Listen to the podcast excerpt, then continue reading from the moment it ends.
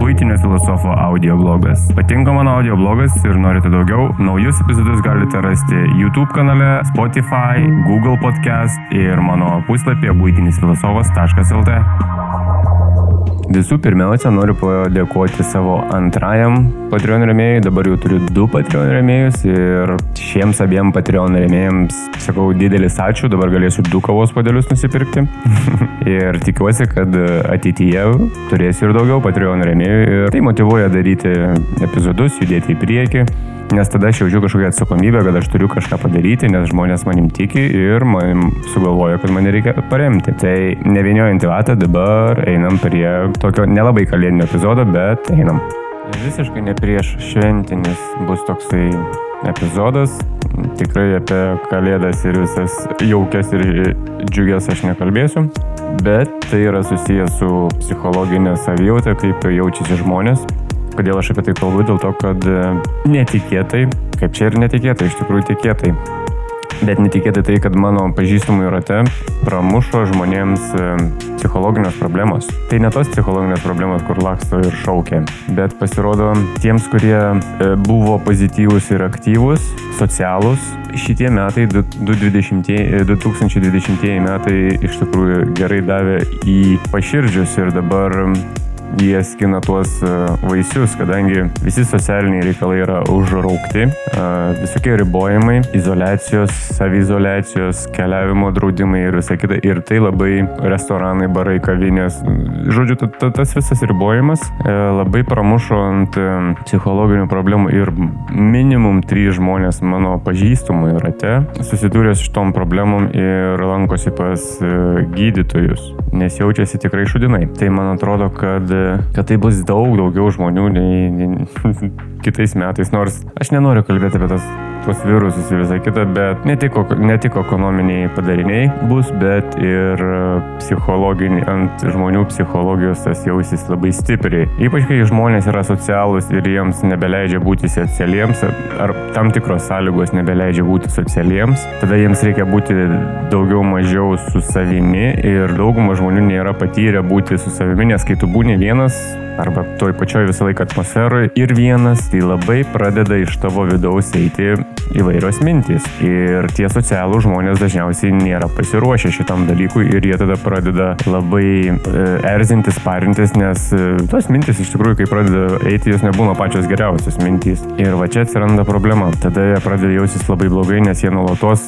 tam tokiam žirkieno ratelį, tos mintys tos pačios sukasi, plus dar dasideda kažkas ir tada savijauta gerokai pablogėja. Būti su savimi vienam yra iš tikrųjų menas ir tą meną išmokti trunka laiko ir pastangų. Man buvo iš tikrųjų šudini metai, tai praeiti metai. Aš per visą šitą perėjau ir šitie man metai kažkaip tais, man nerūpi tos e, tie draudimai keliauti izolacijos ar tenais visai kita, nes aš išmokau būti vienas pats su savimi. Ir dabar aš jokio diskomforto absoliučiai nejaučiu, kai aš būnu vienas su savimi. Aš einu netgi, tarkime, į mišką pasivaikščioti ir pabūti vienas su savimi tyloje. Kai tą pradėjau dalyką daryti, prieš gerą pusmetį, buvo buvo žiauriai nepatogu. Jaučiausi kaip koks nors frikas, vaikščiantis vienas pats, kaip aš čia vienas, nesu kažkuotais. Buvo nejauku. Buvo nejauku gal kokį mėnesį laiko, gal daugiau. O po to pramušo. Ir jūs neįsivaizduojat, kaip yra nuostabu būti vienam pačiam su savimi gamtoje ir arba apie nieką absoliučiai negalvoti, tik stebėti gamtą ir matyti, kaip kas tenais vyksta. Arba tiesiog visiškai nieko negalvoti yra pati geriausia meditacija, kokią kokią aš galėjau ir kokią aš moku pasiekti. Nepaisant visų psichodelinių substancijų, kokias gyvenime esu bandęs, tai yra viena iš geriausių išsivalymo priemonių, kai tu išmoksti būti vienas pats su savimi, kai tu susidraugauji su savimi ir nėra jokio diskomforto būti vienam pačiam kažkur tais ir negalvoti ir tos kvailos ar nekvailos mintys į galvą nelenda tas mūsų vidinis balsas, kuris nuolatos mums kažką tais prikaišioja. Jo nėra. Tiesiog būna tyla tu klausaisi aplink gamtos ir iš tikrųjų tai yra nuostabus reikalas. Tai aš sakau, man atrodo, dar mikrodozavimas padėjo iš tikrųjų, kai man buvo daug problemų praeitų metų viduryje, asmeninių problemų. Ir aš vasarą pradėjau mikrodozuoti. Tai pakeitė mano visą visą psichologinę būseną, mąstymą ir savijautą, jeigu ne 180, tai 360 laipsnių, tai tikrai.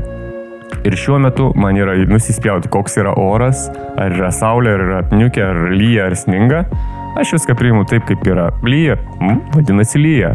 Nėra saulės, nu nėra saulės, ateis vieną dieną išlysta saulė ir viskas bus gerai. Niekada nebepergalvoju 10 tūkstančių kartų to, to paties dalyko. Slengiškai tariant, tai nesikraunu. Aš netapau kažkokio angelo ar išskirtiniu, ne, ne, ne. Aš tiesiog supaprastinau mąstymą, nebepergalvoju tūkstančius dalykų tūkstantį kartų ir tai yra žymiai lengviau. Ir aš tą bandau dabar pasakyti savo pažįstamų rate tiems, kam yra tos problemos, kad, nu, aš tiesiog stengiuosi kažkaip padėti truputėlį jiems.